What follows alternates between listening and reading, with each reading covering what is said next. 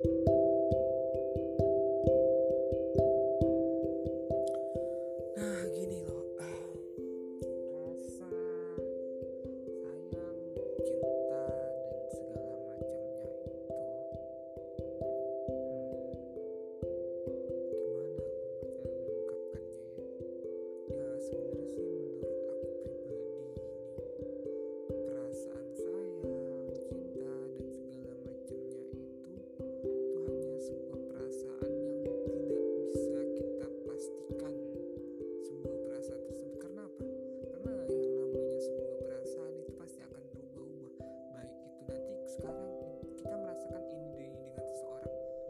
bisa jadi besoknya lagi kita akan merasakan hal yang berbeda sama seseorang tersebut jadi perasaan itu adalah sebuah sifat